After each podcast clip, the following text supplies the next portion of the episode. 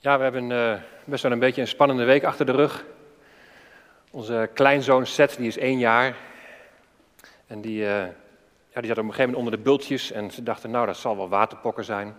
Dus laat maar even aanzien. Maar de volgende dag moest hij uh, toch maar even naar de huisarts.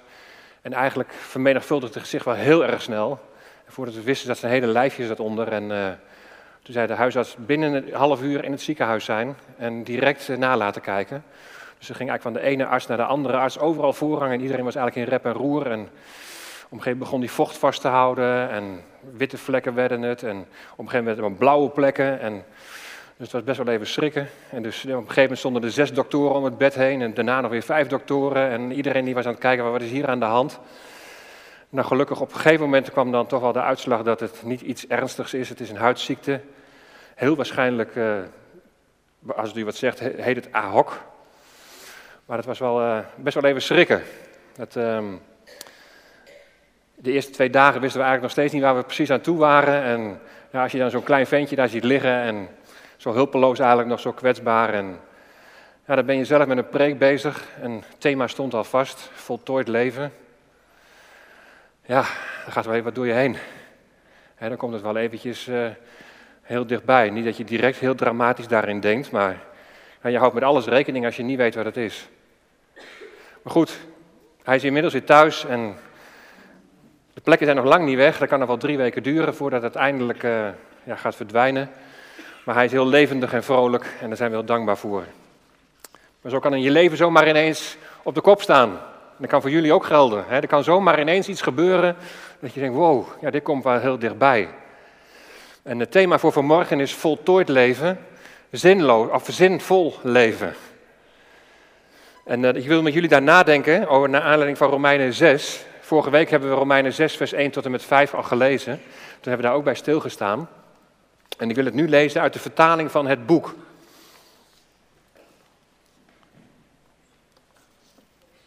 En ik begin zo even halverwege vers 2, Romeinen 6, vers 2. En daar staat het volgende: Als gelovigen zijn wij dood voor de zonde. Waarom zouden we dan nog zondigen? Weet u niet dat ieder die in Christus Jezus gedoopt is, met Hem één is geworden in zijn dood? Die doop in Hem, dat was onze begrafenis. En zoals Christus weer levend is gemaakt door de heerlijke macht van de Vader, zo mogen wij nu ook een heel nieuw leven leiden. We zijn dus één geworden met Hem. Eén in dood en leven. Wij weten dat de persoon die wij vroeger waren niet meer leeft. Die is met Christus aan het kruis gestorven. En zo is er afgerekend met het wezenlijke van de zonde. De zonde heeft niets meer over ons te zeggen. De zonde heeft geen macht over een dode. Als wij met Christus gestorven zijn, geloven wij dat we ook met Hem zullen leven. We zijn er zeker van dat Christus, nu hij uit de dood is opgestaan, niet meer zal sterven. De dood heeft geen macht meer over hem. Door zijn sterven heeft hij de macht van de zonde eens en voor altijd gebroken. Zijn leven is een leven voor God. Omdat u één bent met Christus, leeft u nu voor God. Laat de zonde dan niet meer heersen in uw sterfelijk lichaam. Wees geen slaaf meer van uw slechte begeerten. Stel geen enkel deel van uw lichaam ter beschikking van de zonde, als iets waarmee slechte dingen worden gedaan. Nee, maak van uzelf een werktuig voor God. Omdat u met Christus gestorven bent, om nu met Hem te leven. U bent immers dood geweest en weer levend geworden. Laat God dan ieder deel van uw lichaam kunnen gebruiken om goed te doen. Het is uit met de macht van de zonde over uw leven. U valt niet meer onder de wet die gehoorzaamheid eist, maar onder de genade van God. Tot zover.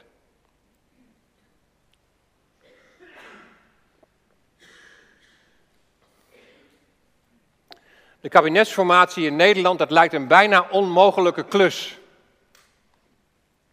Waar vroeger, in de tijd van Den Uil en van Acht en Wiegel, nog met gemak een regering gevormd kon worden van twee partijen, daar redden ze het nu nog niet met drie. Ze hebben zelfs een vierde nodig. Ze komen nu met vier partijen nog maar net tot één zetel meerderheid. Maar daarvoor is dan wel noodzakelijk om overeenstemming te vinden met de ChristenUnie. Ja, super ingewikkeld. Is belangrijk dat we bidden voor christenpolitici. Politiek bedrijven, dat betekent compromissen sluiten. Maar hoe, hoe ver kun je dan als christen gaan? En als je op een gegeven moment kiest voor de minst verkeerde keuze, om ervoor te zorgen dat het land kan worden geregeerd, hoe leg je dat dan uit naar je achterban? Heel complex allemaal.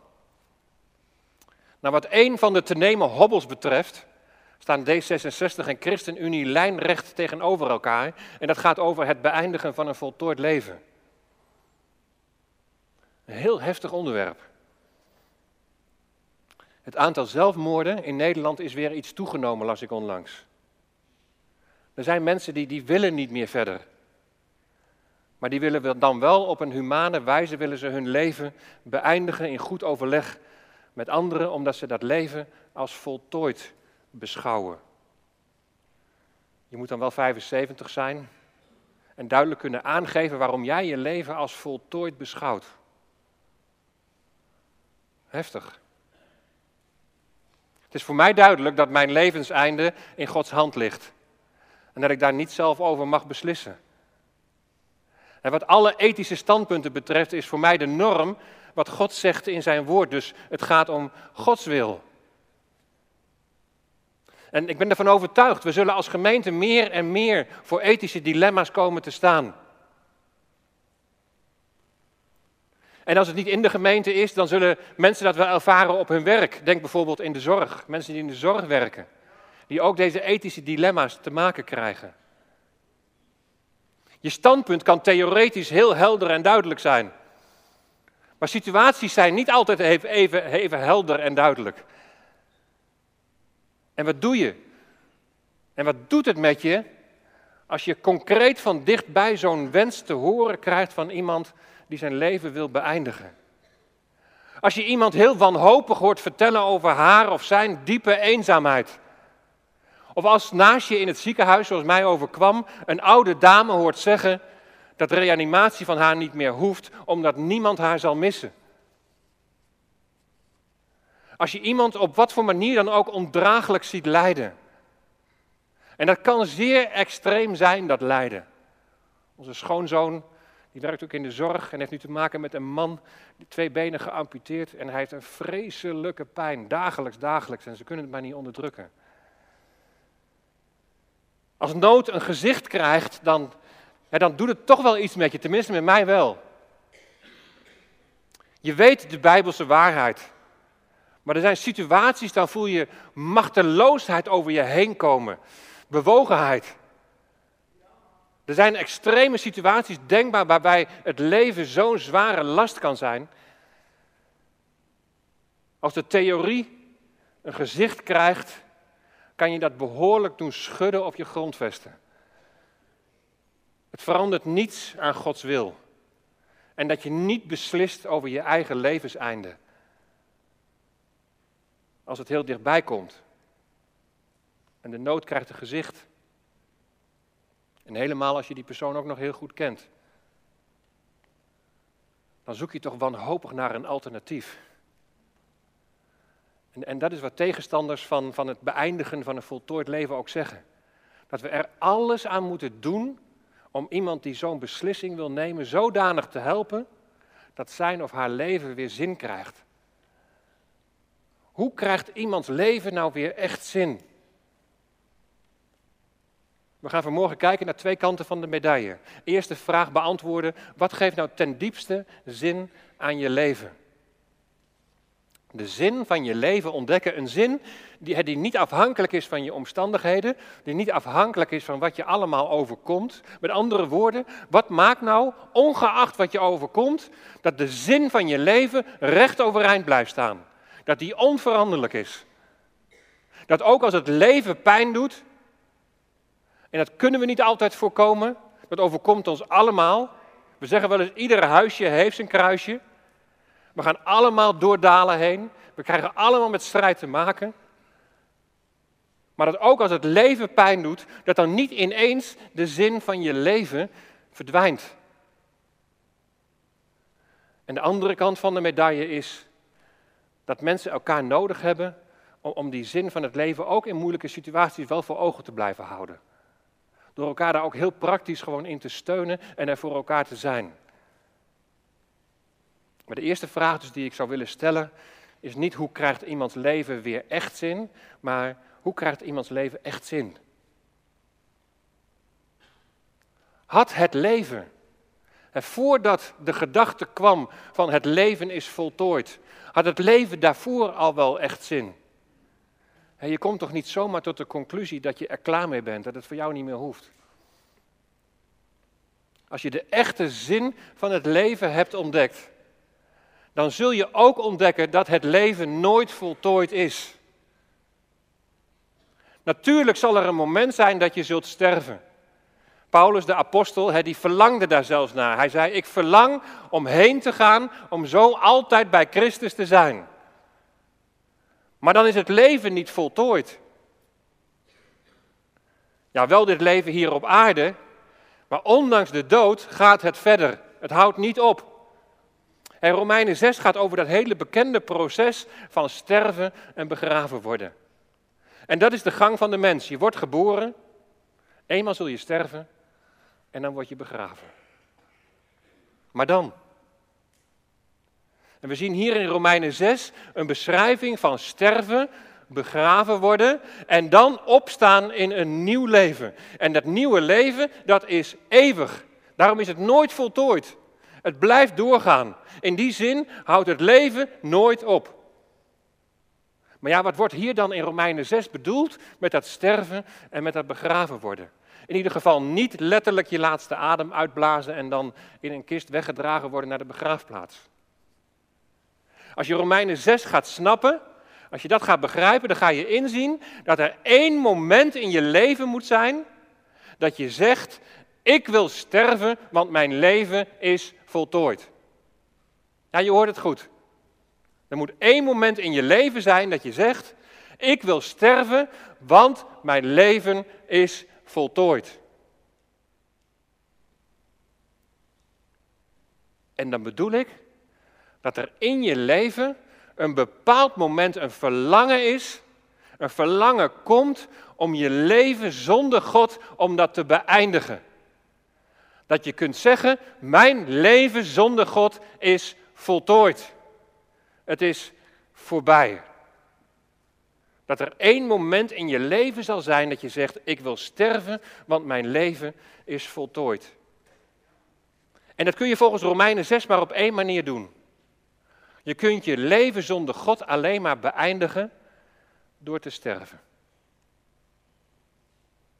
Dat heeft niets met euthanasie te maken. Dat heeft niets te maken met een pil of een injectie.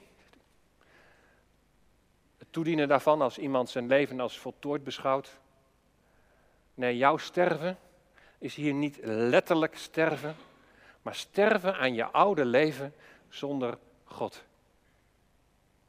Hier in Romeinen 6 staat sterven aan je oude leven. Er staat in relatie door het sterven van Jezus aan het kruis van Golgotha. Jezus' aardse leven was op een gegeven moment was het voltooid. Aan het kruis zei de Heer Jezus, het is volbracht. Verschillende keren had Jezus gezegd, mijn tijd is nog niet gekomen. Maar dan op een gegeven moment, dan is het tijdstip aangebroken om te sterven. God heeft daar heel exact, heeft hij daar een tijdstip voor uitgekozen. Wat dat betreft enige overeenkomst met euthanasie. Toch is er een heel groot verschil. Jezus stierf niet door een pil, niet door een injectie. Jezus stierf zelfs niet door de kruisiging. Ze waren op een gegeven moment zo verbaasd dat hij al was gestorven. Jezus bepaalde zelf dat moment. Hij zei, in uw handen beveel ik mijn geest. In Johannes 10, vers 18, daar zegt Jezus het volgende over zijn leven. Niemand neemt het mij af, maar ik geef het uit mijzelf. Niemand neemt mij het leven af, zei Jezus, maar ik geef het. Ik geef mijn leven. Hij gaf zijn leven. En hij stierf voor jou, voor mij, voor ons allemaal.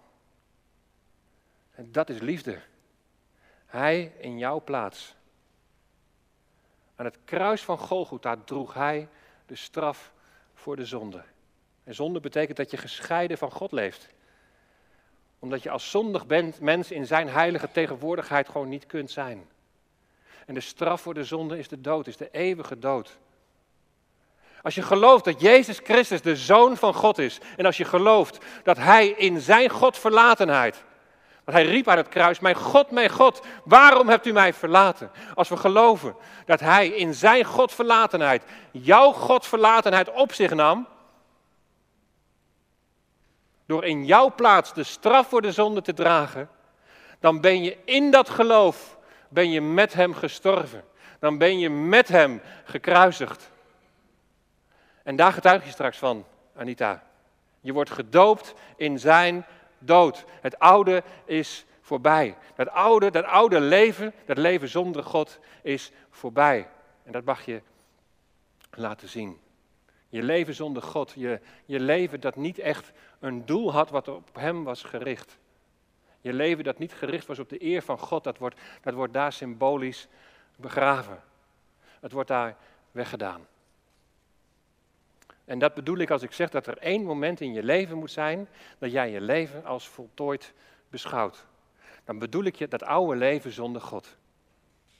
Als de boze je dan aanklaagt en je het leven zuur maakt, dan kun je getuigen, ik ben gedoopt in Jezus dood. Ik ben gestorven, dus je hebt helemaal geen aanspraak meer op mij. Vrij vertaald staat er in vers 5 dat je één geworden bent met Jezus in zijn dood. Jij leeft niet meer. Klinkt raar, hè? Je bent gestorven. Niet letterlijk, maar het is de betekenis van ja, niet meer ik, maar Christus leeft in mij. Hij die het waarachtige leven is, is in jou gekomen door zijn Heilige Geest.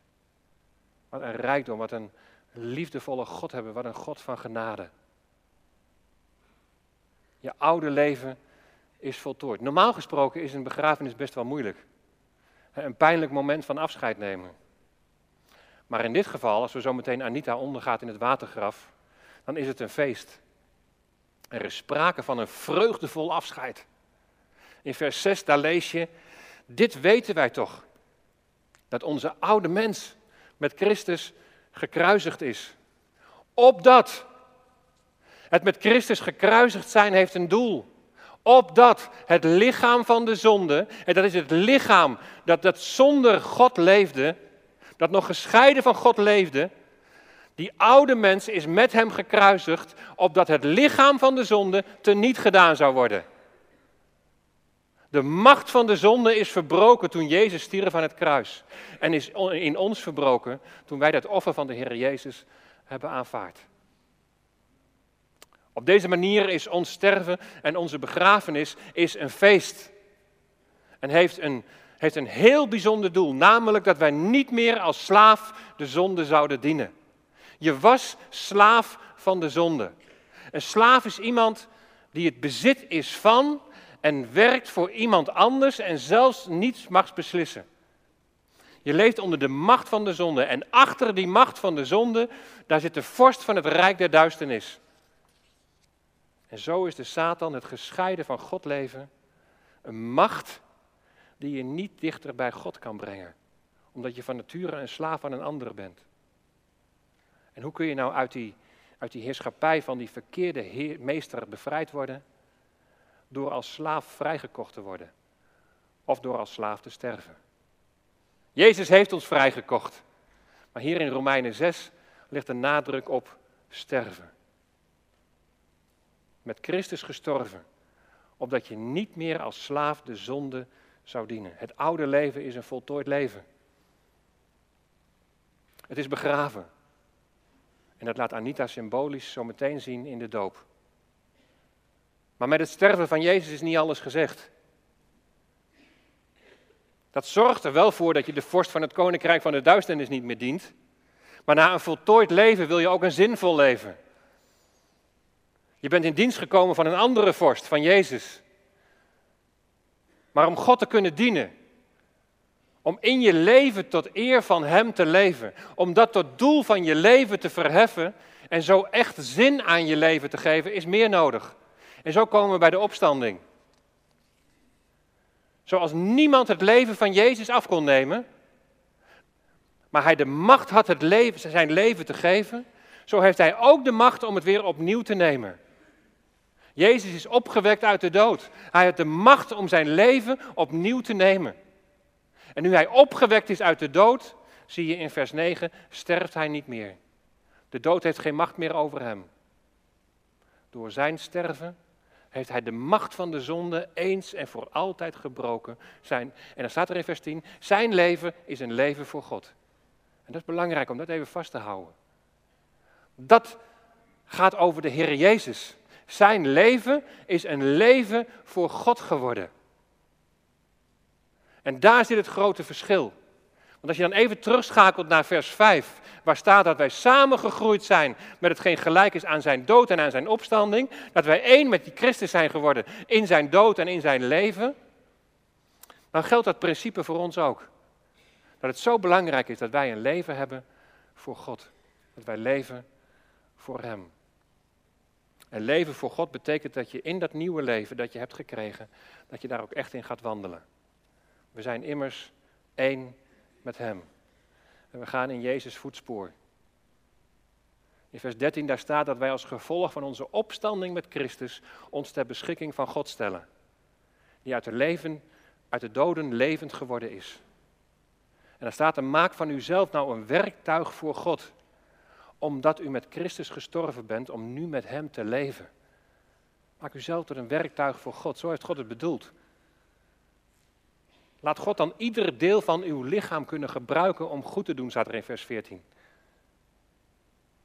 En de opstanding van Jezus is jouw garantie dat je straks na je sterven niet verloren zult gaan, maar dat je voor altijd bij Hem zult zijn. Dat is een geweldige belofte, Johannes 3, vers 16. Want al zo lief heeft God de wereld gehad. En de wereld, dat zijn wij allemaal.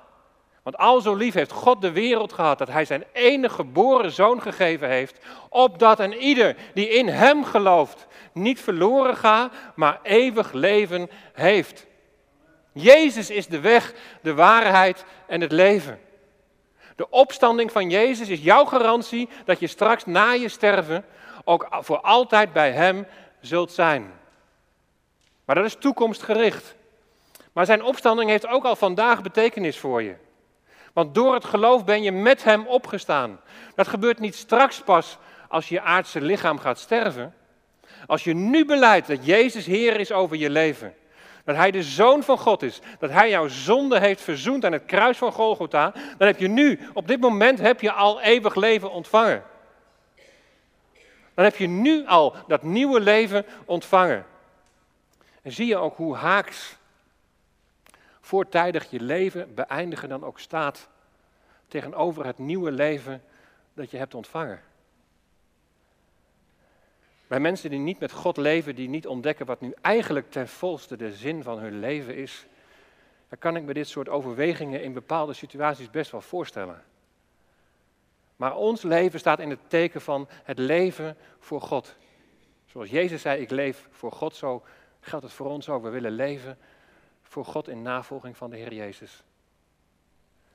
En het gaat niet volmaakt, hè, we zondigen nog. Je struikelt, je maakt fouten. Maar je hart is gericht op het doel van je leven. En dat is het eren van God en het verheerlijken van Hem. Want Hij is de allerbelangrijkste geworden in je leven. Zoals Jezus leven een leven voor God is, zo is ook jouw leven een leven voor God geworden. We worden niet door goede werken behouden, maar als je door genade nieuw leven hebt ontvangen in Jezus Christus, dan volgen er wel werken die Hij al voor je heeft voorbereid. En zo komen we bij die andere kant van de medaille. Kijk, het is heel mooi om te zien hoe je oude leven voorbij is gegaan. En je in Christus een nieuw leven hebt ontvangen. Het is mooi om te zien dat zowel in goede dagen als in kwade dagen het doel van je leven, het eren van God overeind blijft staan. Maar als dat geen uitwerking heeft in de dagelijkse praktijk van je leven, ja, wat houdt dat nieuwe leven dan in? En wat houdt dat eren van God dan in? Als iemand zijn of haar leven als voltooid beschouwt, dan kun je heel belerend zeggen dat dit niet de wil van God is en dat met Bijbelteksten onderbouwen. Maar ervaren mensen dan ook Gods kloppende hart daarachter? Als Jezus tegen ons zegt, weent met de wenenden, dan doet Hij dat ook, want we zijn immers één geworden met Hem. Mensen kunnen in uitzichtloze situaties terechtkomen die een gevolg zijn van de gebrokenheid van deze schepping. Je leven kan zo morgen maar een hele andere wending nemen. Of misschien zit je zelf wel ergens diep middenin. En je komt er niet meer uit. God heeft het niet zo gewild. En als hij ziet wat die gebrokenheid met mensen doet, ja, dan wordt hij zelf ook bewogen. Hij was zelfs zo bewogen dat hij zelf voor de oplossing zorgde opdat jij nieuw leven zou kunnen ontvangen. Wat een liefde en wat een genade. Maar ook al weet je dat het doel van je leven is om God te verheerlijken, om Hem te eren, dan kunnen er best wel momenten zijn dat je het even niet meer ziet. Vorige week een moeder van drie kinderen die omkomt bij een auto-ongeluk. Haar man en drie kinderen zwaar gewond. Ben je als vader dan bijvoorbeeld direct getroost met de gedachte dat je leeft om God te eren en om Hem te verheerlijken in alle omstandigheden? Tijn, die een nagelactie hield voor Serious Request. Vrijdag op zesjarige leeftijd overleden door hersenstamkanker. Ik kan niet overzien wat dit met ouders doet. Met grootouders. We hebben van de week een klein beetje van die spanning even mogen proeven. Wat een verdriet. Maar wat is het dan belangrijk dat er mensen naast je staan? Wat kun je getekend zijn door het leven? Wat kunnen er diepe dalen zijn geweest? En wat zijn er wellicht vele en vele vraagtekens? En toch is daar die liefhebbende God die jou nieuw leven aanbiedt. En daarin zegt Jezus is de weg. Hij is de waarheid en Hij is het leven. Niemand komt tot de Vader dan door Hem. Jezus maakt mensen nieuw. Hij zegent mensen opdat ze tot zegen weer voor anderen kunnen zijn. Door er te zijn, door, door mee te huilen, door, door te troosten, door, door praktisch te helpen, zo mag je de opstandingskracht van de Heer Jezus laten zien. Je bent immers gezegend om de anderen tot zegen te zijn. Zometeen in het watergraf laat je zien, Anita, dat je oude leven zonder God is afgelegd.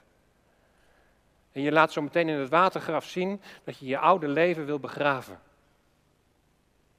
Maar wat je ook laat zien is dat je met Christus bent opgestaan. Dat je die opstandingskracht mag ervaren gewoon in je dagelijkse leven. Dat je in Jezus voetspoor mag gaan en in afhankelijkheid van Hem. Laat God dan ieder deel van je lichaam kunnen gebruiken om goed te doen.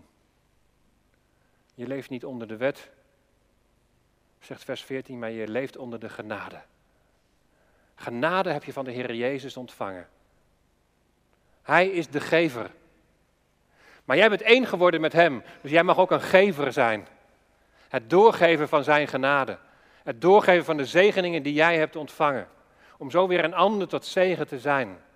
Dat je daarin ook die opstandingskracht van Jezus mag ervaren. Want het zal niet altijd makkelijk zijn. Het leven gaat over bergen, maar ook door diepe dalen. Genade ontvangen om door te geven. En dat wij met elkaar genadevolle mensen mogen zijn. De liefde van Jezus laten zien naar mensen in nood. Een arm om iemand heen. Een bemoedigend woord. Voor iemand bidden. Gewoon naar iemand luisteren. Iemand uitnodigen om eens samen te eten. Het oude is voorbij, het nieuwe is gekomen. Wat een rijkdom als je dat kunt zeggen. Als je dat mag laten zien in de doop. En dat je vervolgens in de opstandingskracht van Jezus dat ook kunt laten zien in de dagelijkse praktijk van je leven. Gaan in Jezus voetspoor is leven voor God. Je hebt een prachtig lied uitgezocht, Anita. Ik wil heel dicht bij u zijn. Dat geeft al iets aan van jouw afhankelijkheid. Dat je zegt, ik kan het van mezelf, kan ik het niet. Maar ik heb God nodig. Ik wil heel dicht bij u zijn, als een kind bij de vader op schoot. En, en dat, dat, dat lied zegt, til mij op. En ook draag mij door het diepe water. Niet alleen het water van de doop, maar ook in symbolische zin, als er gewoon diepten zijn, als het moeilijk is in je leven, draag mij door het diepe water waar ik zelf niet meer kan staan. In uw armen ben ik veilig. Wanneer u mij draagt, als ik niet verder kan gaan. Ik weet dat het jou al wat kost om tot die stap van de doop te komen. En niet alleen wat de dopen betreft, maar om ook zo meteen hier te staan. Dan zie je die hele bak met mensen zie je zo, uh, zo voor je. Nou, de achterste helft, daar kun je de gezichten niet eens van zien, dus dat valt alweer mee. Hè? Maar je gaat het wel doen. En dat vind ik knap. En dat je ook daarin laat zien van, ja, Jezus is opgestaan en ik wil die opstandingskracht ook ervaren. We hebben het vorige week ook gezegd, van, we hebben nog nooit iemand hier gehad die na de tijd zei van, had ik het maar niet gedaan. En dat het toch die vreugde geeft van die vrijmoedigheid van, ik wil van Jezus getuigen. Ik wil laten zien wie Hij is en ik wil over Hem vertellen. Wij zijn helemaal niet gewend om spontaan te dopen, maar we hebben vorige week wel een oproep gedaan. Dus heb ik tegen mensen gezegd, als je bang bent om hier op het podium te staan, van ja, denk er gewoon eens over na. Niet als een verwijt, maar meer van, hey, Jezus aan het kruis en waarom jij niet op het podium? Vertrouw daarin op de kracht van de Heilige Geest. Dat je gewoon mag getuigen van wie Jezus voor jou is. En dat hoeft niet met, met een verhaal van een, van, van, van een kwartier of twintig minuten, maar dan mag je in een paar woorden gewoon vertellen wie Jezus voor je is. Dan mag je op grond van je getuigenis mag je, mag je worden. En we zijn helemaal niet gewend om het zomaar spontaan te doen en ze lopen tegen allerlei kerkelijke regels aan en zo. Maar toch vorige week spontaan die oproep gedaan. Daar hebben ze geen mensen voor opgegeven. Dat is jammer hè, dat je ben je toch alleen. Maar we hebben ook gezegd, het is zo belangrijk in je getuigenis, dat je kunt zeggen, niet alleen tegen de duivel van, ja, maar ik ben met Christus gestorven. Maar het is nog veel krachtiger als je kunt zeggen, ik ben gedoopt in zijn dood. Ik heb het ook laten zien. Niet alleen laten zien naar God, maar ik heb het laten zien naar de gemeente, naar al mijn vrienden en kennissen. Ik heb het laten zien naar de machten in de hemelse gewesten. Je hebt geen aanspraak meer over mij, want ik ben gedoopt in zijn dood. En weet je, en je moet je nooit laten dopen in een opwelling. Dat is niet goed. Dan moet je op voorbereid zijn. Maar ik weet dat er hier meerdere zijn die op die drempel staan.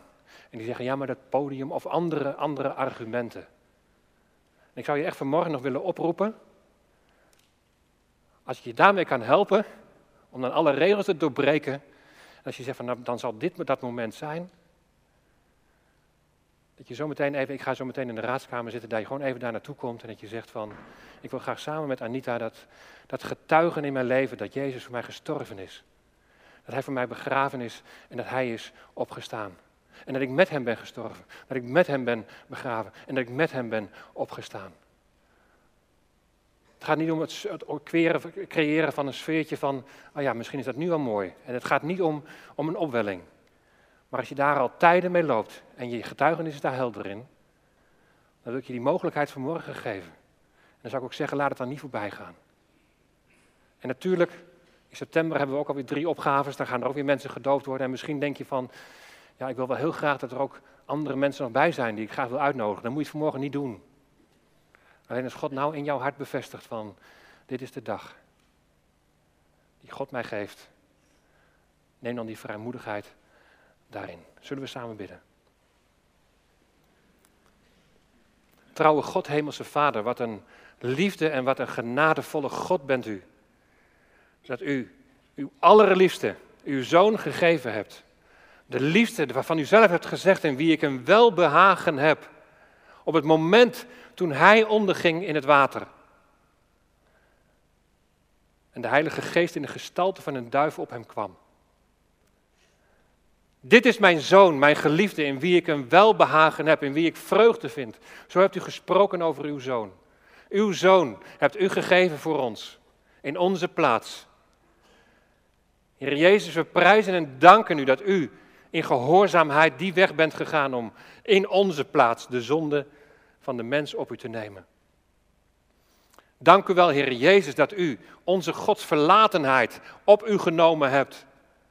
En ons weer dicht aan het vaderhart van God hebt gebracht.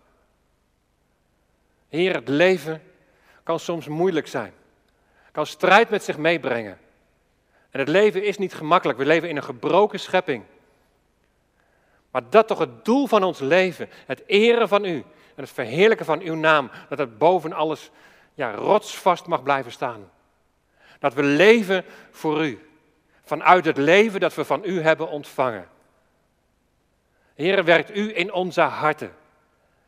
Dat we onze harten niet zullen verharden, maar maakt u onze harten week, zodat u door de Heilige Geest uw werk in ons kunt doen. En ik bid voor diegenen die de Heer Jezus nog niet kennen. Dat vanmorgen een moment mag zijn dat de Heilige Geest je mag aanraken. En je mag overtuigen dat er maar één weg is om gered te worden. En dat is door de Heer Jezus Christus. Heren, we bidden ook voor diegenen die misschien op die drempel staan. En allerlei argumenten hebben om niet in het water onder te gaan. Heer, wilt u harten aanraken, harten week maken. En wilt u overtuigen door uw Heilige Geest.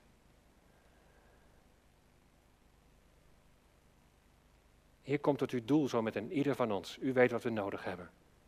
We prijzen en danken u in Jezus' naam. Amen.